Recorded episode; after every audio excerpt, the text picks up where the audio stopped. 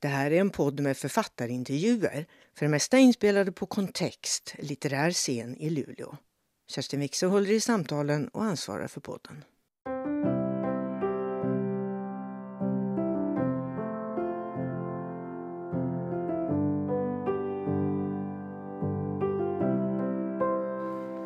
Så ska Thomas få lite vatten här. Välkommen till eh, Kontext. Du, den här boken, Fjällrand, jag tyckte det var så roligt, din och Jan-Erik Nilssons vackra bok. Det är liksom som en sån där bok som när man var liten vecklade ut sig i såna här tredimensionella figurer eller också kunde man dra i såna där flikar och så hände det någonting. Ni vet. Eller trycka på någon knapp och så lät Här jobbar ni ju då med QR-koder. Visste du från början att, att du skulle använda dig av den tekniken? Alltså jag har ju eh, man har ju sett tidigare böcker med instuckna CD-skivor och så. CD-skivor är ju utrotningshotade idag. Och då har jag använt faktiskt på utställningsskyltar eller, eller skyltar i naturen QR-koder och tänkte det borde ju vara ett bra sätt att använda i, i en bok så här och jag tyckte det blev väldigt kul att få göra det här. Den tar liksom aldrig slut den här boken. Nej. Man kan ägna sig åt den väldigt lång tid helt enkelt. Har du någon favorit av alla de här? Ja, alltså Tjäderspelstango när, när eh, Anna Selén sjöng den, den blev jag ju varm i hjärtat att få höra i den versionen. Sen har jag en egen visa eh, Blåbärsvisan som jag själv är med och sjunger på. Så att, men sen är det de här jojkarna och berättelserna och några fågelläten. Man kan lyssna till Blåhakens sång under en minut tror jag. Så att det är ju, den har flera skikt. Eh, och det är många som uppskattat det. Att, det är jätteroligt. Ja. Du Thomas, jag vågar kanske påstå att din röst är mer bekant för flertalet än ditt ansikte kanske? Ja, just det. Tycker eh. du mitt radioutseende är okej okay, annars? Jag älskar radioutseende. Man kan se ut precis hur man vill. Eller hur? Ja. Ja. Det är en svår du, fråga att svara på alltså. Ja, men precis. Men alltså alla P1-lyssnare som har hört dig i Naturmorgon ända sedan programmet startade, tror jag. Du har varit med från början. Jag har varit med längre än någon annan som jobbar i Naturmorgon ja. nu. Ja. ja. Du är en levande legend. Ja, det vet jag inte. Men jag började ju faktiskt med Hans Andersson författare, konstnär, väldigt duktig på ett otroligt minne hade han och han var ju mest intresserad av människan och kulturen. Så hade han fått möjlighet att göra ett radioprogram eh, i P1 som skulle då, jag tror nästan var varje vecka eller varannan i alla fall. Jag tror ni höll på i 15 år eller någonting. Ja, någonting sånt. Och så ringde han till mig, kan inte du vara med i det där? Du är ju bättre på djur och fåglar och sånt där än jag. Jo, men det kan jag vara. Hitta på någon bra mm, titel på programmet till imorgon, sa han då. Och då sov jag på saken och så ringde jag honom på morgonen. Naturligt norr om polcirkeln. Ja men det är skitbra sa han då, det tar vi. Och så blev det. Vi for ju runt i Norrbotten och till Svalbard och i Finland och lite varje och spelade in och han redigerade. Jag var bara med på inspelningarna. Sen eh, fortsätter jag ju på den banan med mm. andra naturprogram. Mm. Det är otroligt många år som du har talat i radio men jag skulle behöva säga att för oss i Norrbotten så är det ju alltså som någon gång rör sig ut i den så kallade naturen. Där är ju du som något sånt där väsen som svävar över nästan allting eftersom det, nu tar jag väl i, men det känns som att Thomas Öberg har skrivit alla såna här skyltar och informationstavlor och, som man stöter på där när man går någon naturstig eller var man då rör sig. Vi ska återkomma till det där med skyltarna för det är en viktig sak här på senare år för dig. Men först tänkte jag bara så här att här på Kontext så sysslar vi ju just med vi sysslar ju med berättelser i olika former och format, för det mesta romaner. Då.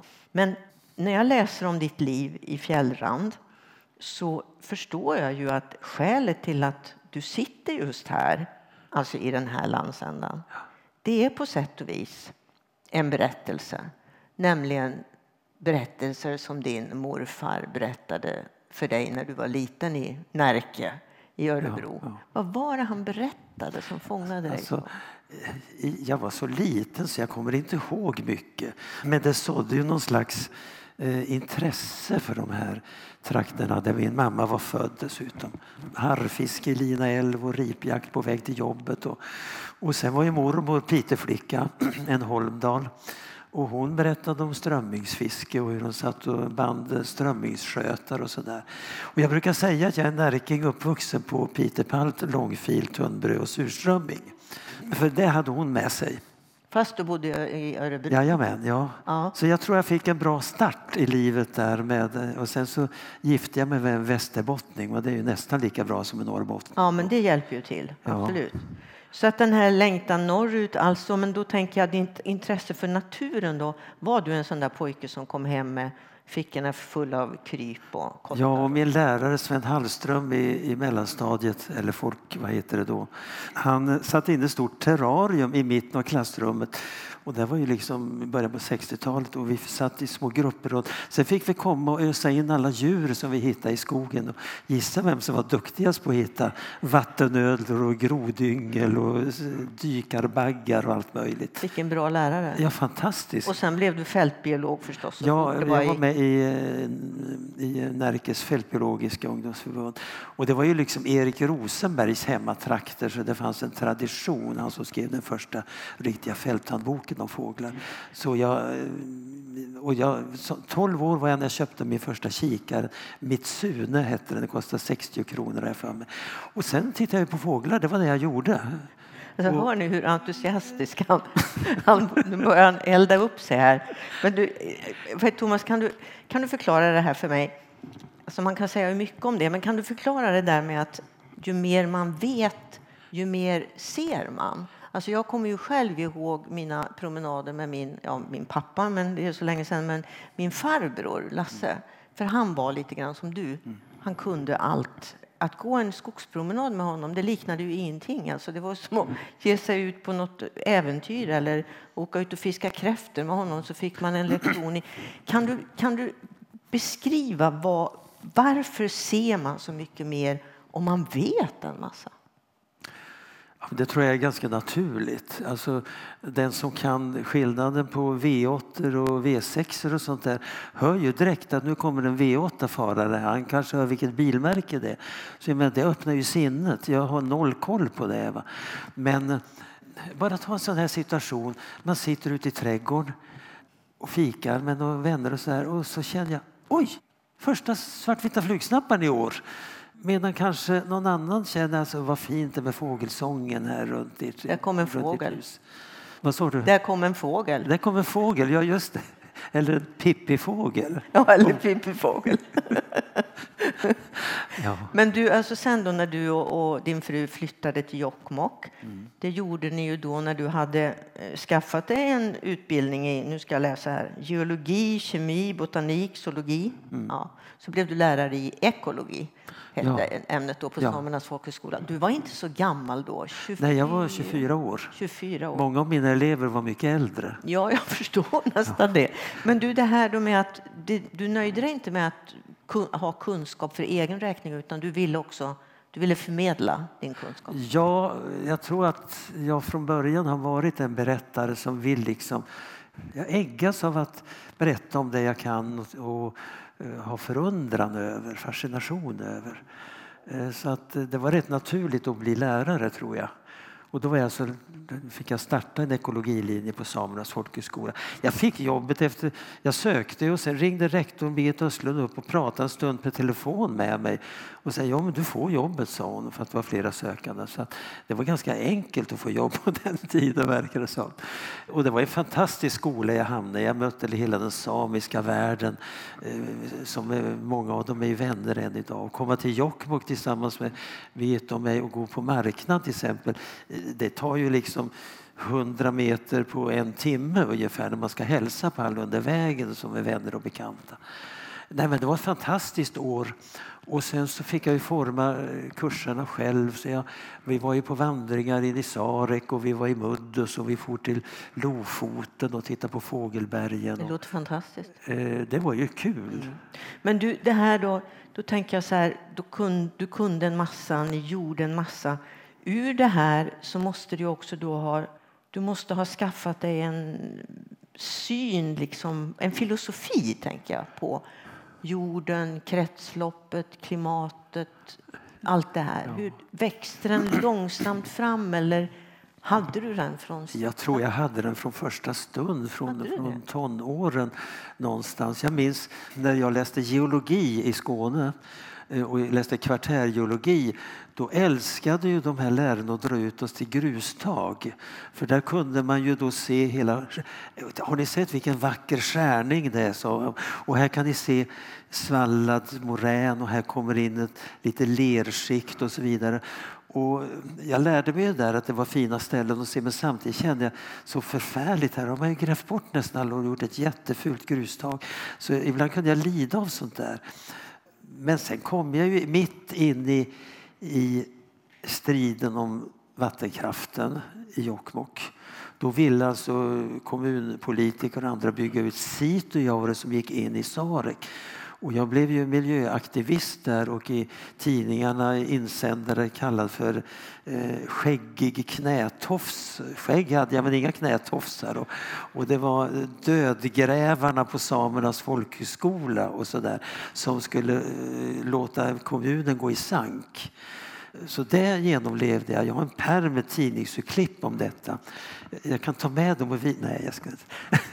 och, och sen kom ju skogsdebatten när Domänverket ville slopa skogsodlingsgränsen som hade varit ett skydd liksom mot fjällranden. Och då var vi engagerade. Hans Andersson var ju brinnande där. Alltså. Jag var väl lite snällare. Så att eh, jag hamnade ju mitt i detta. Och, och, ja. och du hade inget val egentligen med den kunskap du hade och den placering i Jokkmokk du hade. Jag menar, det fanns inget annat val än att bli miljöaktivist. Nej, det kan jag väl säga. Kan du beskriva alltså kampen för urskogarna? Jag kommer, jag kommer ihåg att jag körde ju nyheter på den här tiden och jag kommer ihåg massor med såna här telegram om fighter om urskogen mm. och, och liksom också telegram som man läste upp eh, utan att fatta så mycket om att nej, nu hade man avverkat fast mm. man egentligen inte fick och mm. så där. Kan du berätta för oss hur det är att vara i en urskog? Vad är det med det som ja. är så stort? Jag har ju lite texter med i boken där jag nästan liknar det vid den andliga känslan när man kommer in i en katedral. Alltså, man kommer in i en stor katedral, det är tyst liksom stilla, man känner en slags vördnad. Eh, helighet, som är ett ord som inte används så mycket idag. Helhet används, men just helighet. Det är väl lite grann den känslan tror jag många känner i en riktig urskog. Här har liksom inte människan satt några spår. Utan utom någon arranring i någon fångstgrop och sådär. Och människor som har tassat på mjuka näbbskor så att säga. Men inte på stålskodda skor. Så det är den känslan. Och träden är flera hundra år gamla. De har fått leva sitt eget liv. De dör, lever hundra år som stående döda. De faller till backen, lever 200 år som en låga som biologerna gillar att säga. Eh, och då äter svampar och eh, mossor och lavar äter sig in och insekter och så småningom blir det här bull igen.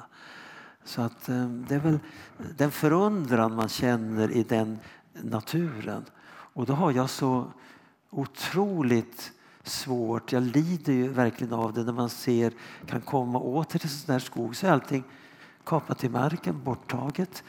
Och så har man plöjt eller harvat hela området. Och sen finns det de som säger det här är väldigt bra mot klimatkrisen. För nu kommer det växa upp nya träd, de kommer att fotosyntes. Var det något fel på de gamla? Och var det något fel på den mängd av kol som är lagrat i rötter och mossa och mark och stammar och stockar? Och, eh, ja, sådana känslor får jag lätt. Hade ni inte gjort någonting där i Jokkmokk så hade väl det blivit ännu värre. Men ni, ni vann ju inte hela tiden. Ni vann lite delsegrar. Ni var, så var det. Ja, och lite bättre gick det väl då i i vattenfrågan. Det kan man säga, det ja. blev det ju stopp då. Ja, precis, för den där... Sen vill jag ju framhålla Mats Karlström som jag visar bild på. Han är ju oändligt mycket duktigare än jag ska jag säga. Jag kanske kan lite andra saker men han kan ju det här myllret i skogen. Alla insekter och svampar och lavar och så. Och har gjort en gigantisk insats och nu i dagarna så kommer alltså några hundra naturreservat bildas som han är upphovsman till egentligen. Utan honom skulle inte de ha kommit till stånd. Nu får du säga hans namn igen. Mats Karström, Karström i Vålerim.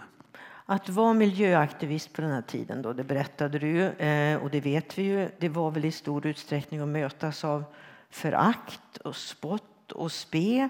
Jag måste ju säga att jag hyser en viss beundran verkligen för miljökämpar som, som du, alltså miljörörelsen i, i stort. Att, att ni har ju, tycker jag, väldigt mycket undvikit att skrika högt. Vad var det vi sa? Ja. Får, du aldrig, får du aldrig lust att göra det ibland, även om du vet att det inte hjälper? Jag får lust att göra det när jag ser contortaskogar som har fallit och knäcks och ligger och spretar åt alla håll. För det här var ju framtiden i det svenska skogsbruket på 80-talet. Jag är ju annars en, en rätt snäll, beskedlig människa. Jag är en dålig miljöaktivist kan jag säga. Och nu när jag jobbar åt, åt um, Sveriges Radio så kan jag ju liksom inte vara ute och samtidigt vara miljöaktivist. Det, Nej, det får man ju Så jag får hålla lite lägre profil. Ja. Men jag tror att det jag gör skriva en sån här bok, prata i radion.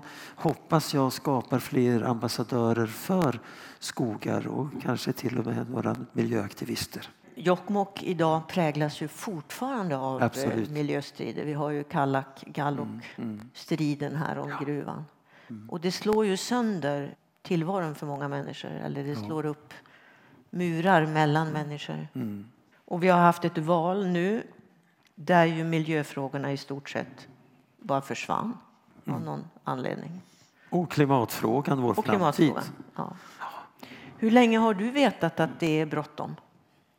Alltså det intressanta är att en, en eh, bok som var skriven av Per Arvid Skog som vi använde en del som lite grundkurs i ekologi på eh, ja, 70-80-talet. Där skriver han ju om växthuseffekten.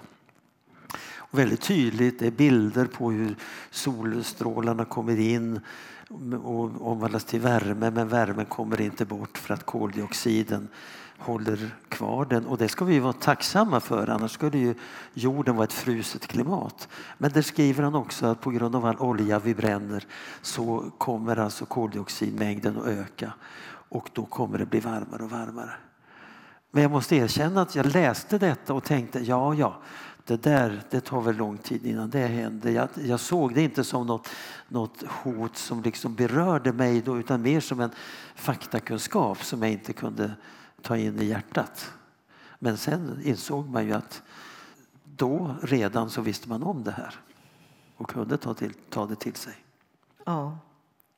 Men du, hur som helst så har du i alla fall fått prata om det du älskar väldigt mycket. Vi sa ju det här med radio, Naturmorgon och Hans Andersson. Du har jämfört det här med att eh, sända direkt, alltså direktsänd radio du har jämfört det med att vara sportjournalist, att ja, det är samma nerv. Ja, och det, det är lite grann, ska man, det jag håller på med det kan man inte likna vid vad en nyhetsreporter håller på med. Utan jag ska ju ut i naturen. Sen ska jag för blinda människor, för det är ju radiolyssnaren i detta fall, beskriva det jag ser Eh, på ett sätt så att de kan känna att oj, jag är där. Och det är det härligaste tycker jag när man får sådana, oj vad bra det var. Det kändes som jag var där på plats när eh, du, ni berättade om det. Det är bra betyg. Och det måste jag göra då. Jag måste vara refer, den som refererar ishockeymatchen och säger att nu skjuter den och den och det är passning och det är assister och det är allt möjligt. Jag skulle absolut inte duga som sportjournalist, det anar du kanske. Men det är ju det vi håller på med. Och vi beskriver och vi förklarar och vi försöker sätta in det i ett sammanhang så att den som lyssnar kan förstå. Men vi pratar jättemycket långsammare. Det gör ni. Det är skönt. Det är det som är så bra med Naturmorgon. Ja, Men det är ju också det där att du kan ju aldrig veta vad som ska hända. Och jag tycker man har hört en hel del program när man någon stackars reporter sitter och nu ska det nog komma den här fågeln ska nog komma nu och så kommer den aldrig. Nej, nej. Det är ju jobbigt och så släpper de reportern igen och tänker nu kanske den kommer. Då kommer den inte då heller. Har du något sånt där roligt minne? Nu får du berätta om något hemskaste eller roligaste eller någonting av en sån här direktsändning? Ja, alltså De flesta direktsändningar är ju jätteroliga. Man, är rätt, man går upp klockan fyra på morgonen, man får ut i skogen, är där klockan fem och börjar rigga upp grejer och sen ska man pröva tekniken och sen ska man in i sändning sex och sen håller man på två timmar. Man är rätt eh, spak efter det där kan jag säga. Och sen har man ofta varit där och förberett sig två dagar innan på samma ställe och träffat folk och tittat. Så det är ganska stort jobb i det. Men, men alltså de flesta är ju väldigt roliga och oftast händer ju det där som man vill ska hända. Och gör det inte det då får man hitta på något. Då får man hitta på något. Nej, alltså jag ljuger aldrig. Det, kan vara, det är en lögn jag kan kosta på mig ibland att jag, jag säger att här hörs det det och det. Något som jag hörde för en halvtimme sedan. ja, okay. En älg eller något. Ja. Ja, men alltså, det har ju hänt någon gång. Jag satt i en, i en ark på Råneälven tillsammans med Gunnar Westrin och en till kille jag inte kommer ihåg namnet på. och de pimplade eh, lake och fick ju lakar också. Och mitt när vi sitter så kommer en älg gående liksom över hela och nu kommer en älg här och den travar i snön och nu stannar den till och tittar mot oss. Sen fortsätter den över och så där. Så att det kan ju alltid hända sånt som man absolut inte har räknat med som är ju bara bonus. Men när folk inte pratar som du vill då? när det blir ännu mer långsamt? Alltså, jag har givetvis några sådana exempel. Får höra någon? Och jag vet någon som lyssnar, alltså Thomas jag led med dig idag. För hon sa ju ingenting. Du fick, du fick ju jobba som ett djur och få ur någonting. Oj vad jag led, men du klarade det bra. Jag var imponerad. Alltså, det kan hända sånt. Och nu ska jag inte säga eh, så ni anar vem det var på något vis. Men, men det var en gång jag var uppe på ett lågfjäll och det var höst. Ripbären lyste sådär vinrött och, och det var så klar luft och blått och lite små fina moln. Och, ingen som blommade då men ripbär med sina svarta bär mot det där vinröda. Och, och jag gillar ju att ha en slags samtal under naturmorgon så att jag inte, jag ställer inte fråga till jag berättar vad vi ser för blommor här nu då. Utan jag säger kanske någonting och hoppas på att den här personen ska hänga på. Då. Mm. Och nästan alltid gör de det. Va? Och då sa jag väl någonting sånt där att ja, visst är det fantastiskt vackert nu den här tiden när ripbären har den röda färgen och den svarta. Och så sträckte jag fram mikrofonen till henne och hade tänkt att hon skulle hälsa på. Ja, vilken dag vi fick, vilken, vilken himmel och titta här är det frukter av eh, fjäll. Hon var duktig på botanik. Men då svarar hon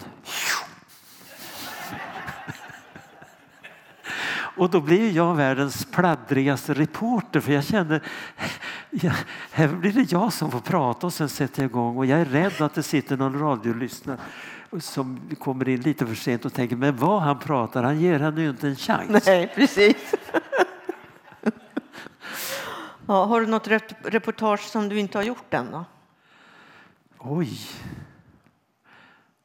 Ja, det har jag givetvis. Det är förfärligt många reportage jag inte har gjort. Det kommer inte upp något sånt där? Det. Jag kommer på ett reportage jag under 10-15 år planerade och som blev gjort. Men det var verkligen, det tog lång tid.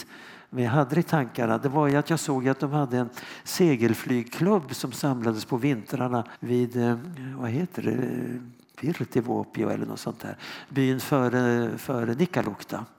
Och sen fick jag kontakt med någon som var ansvarig i det där och började prata med honom. Det var många, många år senare som idén hade väckt och frågade kan inte jag få följa med i segelflygplan? Och så flyger vi, för jag vet de flyger ju över Kebnekaise och sen så får jag liksom referera hur landskapet är, hur man ser deltat i Vistasvagge och uppe i Lattjojaure och sen komma in och stiga och se fjällstationen vid Kebne och sen komma in över topparna där och berätta om glaciärer och annat.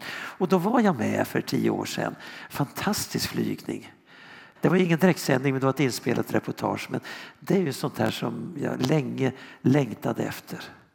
Annars har du haft, ehm, apropå miljöengagemang, så förstår jag att du har haft ett visst fokus på Arktis de senaste åren. Ja, verkligen. För här syns ju miljöförstöringen också allra tydligast. Mm. Jag hörde ett reportage häromdagen på radio som var otäckt tycker jag. Man pratade om sista minuten-turism. Usch. Som gick eh, människor som åkte till Svalbard till mm, exempel mm. för att få se en isbjörn, för snart Mm. vandrar de kanske inte där längre. Det var väldigt otäckt att höra, men det är ju lite det du är inne på också. Ja, och varje gång funderar man på är det klokt att hålla på och flyga till såna här främmande platser och spä på koldioxiden. Men jag känner att kan jag berätta om det här, kan jag ge bilder av det här? Så har jag ju varit i Grönland. Jag har ju varit tre gånger på Svalbard, varit eh, på Island flera gånger och även Antarktis och Sydgeorgien. Och, och det finns så mycket att berätta om, till exempel Svalbard, att ja, Arktis, även vårt Arktis i Sverige, att allting går tre gånger snabbare än om vi kommer ner i kontinenten. Och det syns ju verkligen vid glaciärkanterna, särskilt om man har varit där med 10-15 års eller faktiskt 30 års mellanrum som jag varit på Svalbard. Så det känns viktigt att berätta om det här och samtidigt väcka förundran över det här myllrande livet med isbjörnar och valrossar och eh, svalbardrenar och fågelbergens otroliga myller. Och så tänker man på att ja, nu kommer slaget om Arktis stå hårdare och hårdare mellan de stora industrinationerna för det finns så mycket som de vill hämta där istället för att bevara. Och nu talar man ju om tipping points igen och att man ser det så tydligt att det är mycket värre inom det arktiska området än vad man tidigare har trott till och med. Och många tipping points har ju redan uppnåtts och är i full gång att sätta fart. Thomas, du har ju många intressen, alltså fotograf, musiker. Du kanske är lagom rastlös, tänker jag, för att efter 15 år då på Samernas folkhögskola så eh, jobbade du nästan lika länge på nystartade Aite-museet Ja. i, i Jokkmokk. 14 Nu är vi framme vid skyltarna Ja, på sätt och vis. För att du reagerade då, du skulle jobba med utställningar och utställningsproducent var du? ja jag var utställningschef på Ja, Aite under helt 14 enkelt. år. Ja. Ja, och och, fick re- vara med och bygga upp Aite museum i Jokkmokk från början alltså och Exakt. skapa utställningar och så. Fantastisk skola som jag fick. Ja, betalt förstår. för att gå. Men då, då reagerade du på det här eh, smått akademiska och det här liksom väldigt prudentliga, ordentliga museisvenskan liksom, som gör en så trött. Jag blir i alla fall jättetrött för det mesta när jag går på museer. Och så tänkte du att det måste väl ändå gå att göra på något annat sätt. Vad blev det andra sättet? Jag tyckte ofta att texterna var, det kunde vara jätteflådig design i museerna på 80-talet och när jag startade 86 på museet. Och så. Men den svaga länken var texterna. För det var akademiker som skrev C-uppsatser och satte upp på väggen. Och det är jättetråkigt att läsa, stå och gå och läsa C-uppsatser som sitter på väggen. Och det tänkte jag att det måste ju gå att göra något annat. Och Eh, jag hade mycket inspiration från, eh, från de andra museer som gjorde bra och gjorde rätt. Bland annat Postmuseum i Stockholm. Det låter ju hur tråkigt som helst. Men de lyckades med Margareta Ekarv som skrev texter. Så det inspireras vi av och så började vi jobba vidare. Och, ehm, och sen förde jag med mig det här sättet att jobba med texter när jag lämnade museet och började jobba mer med skyltar i naturreservat och nationalparker och så. Men du, det här, du måste ha haft hjälp också då av det här med ditt radioarbete att, eh, som har att göra med, spr med språket. Alltså, kan, du, kan du inte ge oss något exempel på den här C-uppsatsen och på hur man skulle kunna... Jag älskar ju talspråk Ja, och jag tycker talspråket är liksom det fina språket. Skriftspråk är liksom en avart av talspråket som vi har gjort för att kunna skriva utredningar och, och allt möjligt annars. Ja, nu raljerar jag. jag talar ju om ett vårdat talspråk nu också. Ja, jag talar ju om ett vårdat talspråk. Därför att talspråket är ju livfullt, det innehåller dynamik, det innehåller man pratar långsamt och då lyssnar ni ännu noggrannare vad jag har att säga. Eller man skriker som Hitler eller någonting. Det är sån dynamik i, i talspråket. Och sen så är det ju enkla ord. Ja, det, det, är det är det naturliga, det riktiga språket.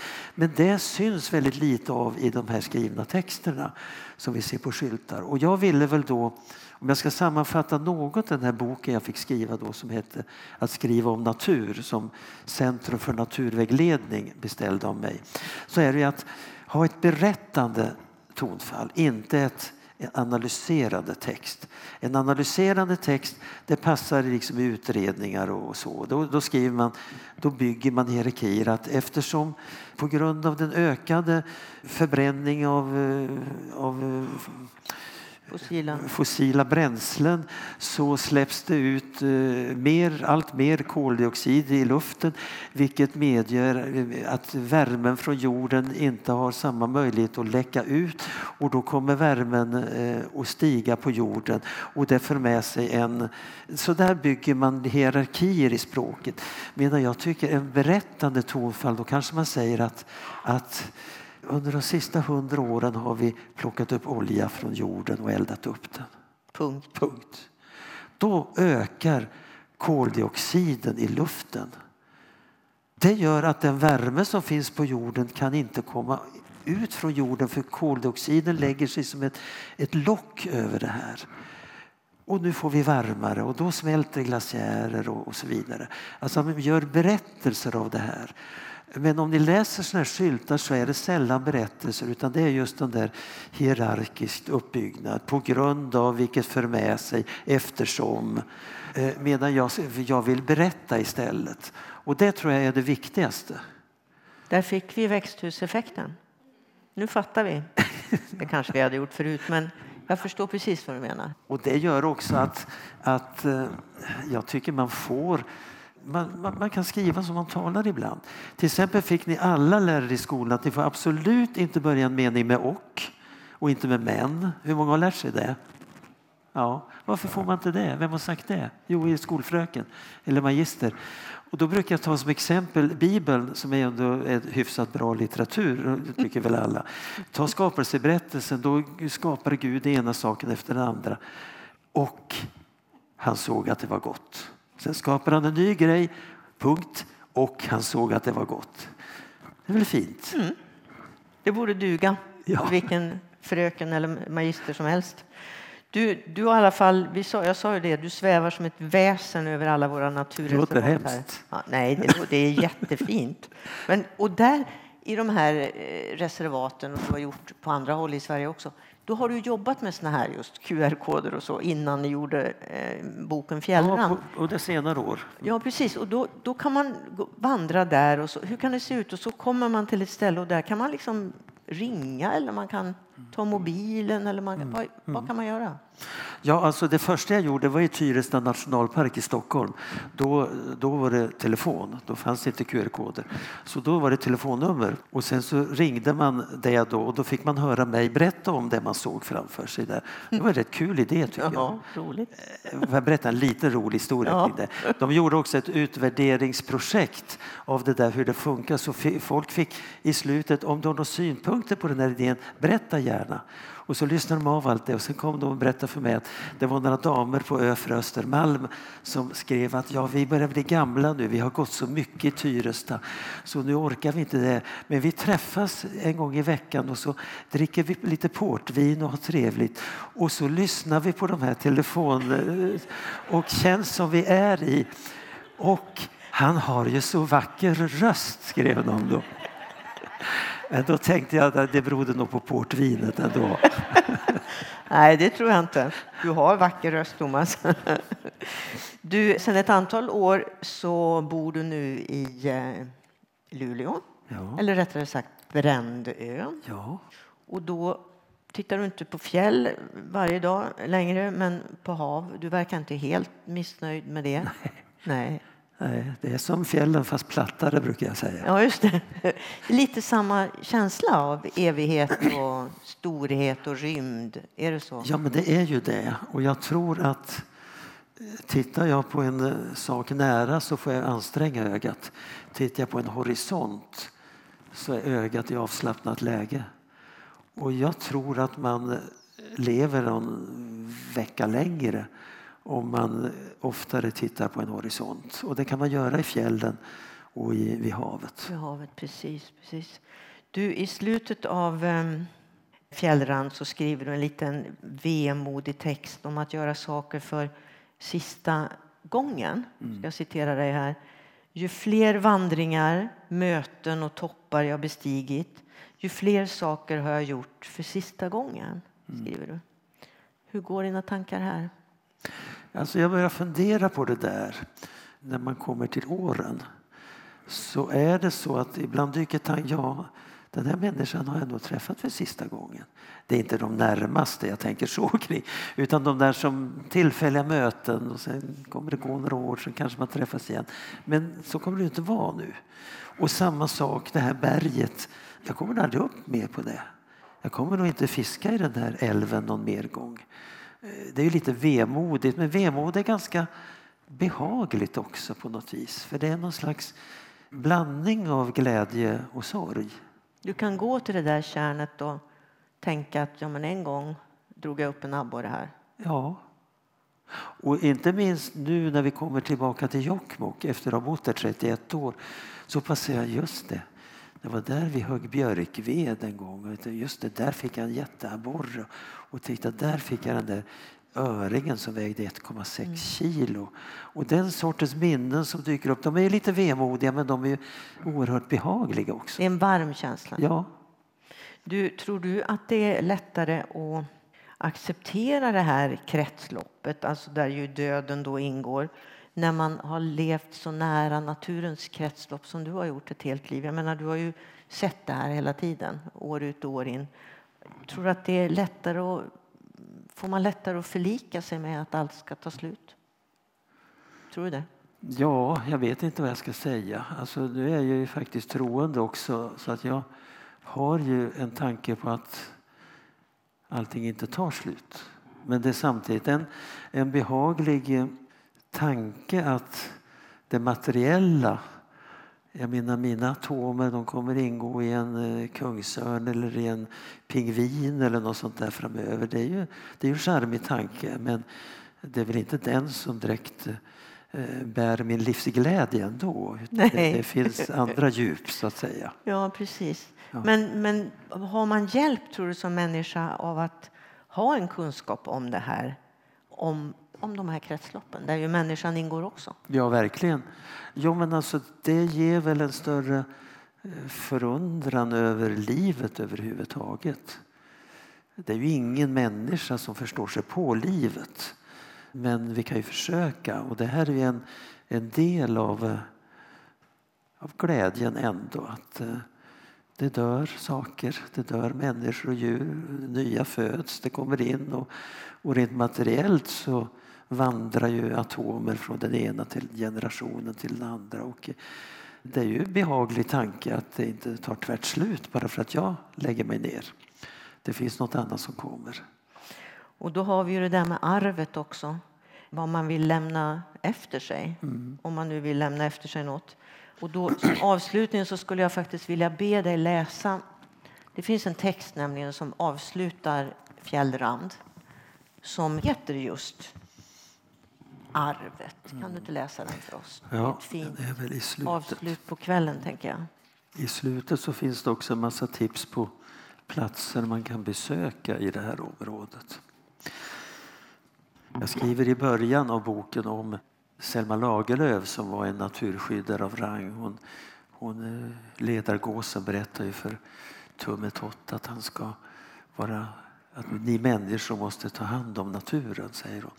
Och det var tre år innan vi fick de stora nationalparkerna, Sarek och Stora Sjöfallet. Hon betydde nog rätt mycket där, så jag återkommer till det här i slutet.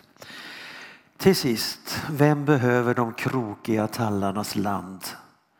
Vem behöver en ostädad skog där tallar tillåts dö i fred och ramla huller om buller som ett stockarnas plockepinn?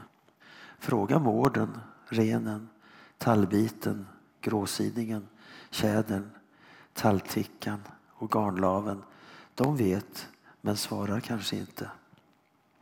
Men lyssnar du noga så anar du kanske deras svar. Svaret är detsamma som ledargåsen gav till Nils Holgersson. Det tål att upprepas. Citat från Nils Holgersson. Så kanske du inte tycker att människorna bör vara ensamma på jorden. Tänk på att ni har ett stort land och att ni nog kunde ha råd att lämna några nakna skär och några grunda sjöar och sumpiga mossar och några öde fjäll och avlägsna skogar åt oss fattiga djur där vi fick vara i fred. I all min tid har jag varit jagad och förföljd. Det vore gott att veta att det fanns en fristad också för en sån som jag. De krokiga tallarnas land tillhör allt levande som ett arv, tillhör även oss människor så att vi något kan förstå hur jorden såg ut innan människans begär och maskinkraft förändrade och fördärvade. Krokigt är brokigt, ibland lite tokigt. Men alltid viktigt, värdefullt och vackert. Mångfald kallas det med dagens ord. Och det handlar väl lite grann om att jag faktiskt vill ge röst och rösträtt åt de här organismerna, djuren, växterna. Och det var ju inte precis de fick i den valrörelse som passerat. Men genom Thomas Öberg så får i alla fall några varelser lite mer rösträtt. Eller lite mer röst, ska jag kanske säga. Tack Thomas för att du kom till Kontext. Tack så mycket.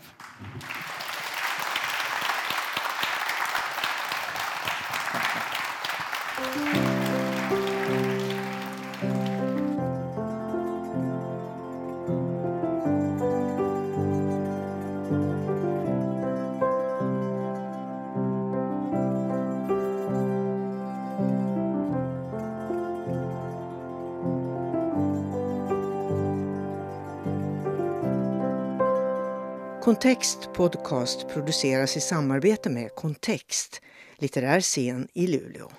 Författarscenen drivs med hjälp av Statens kulturråd och Luleå kommun.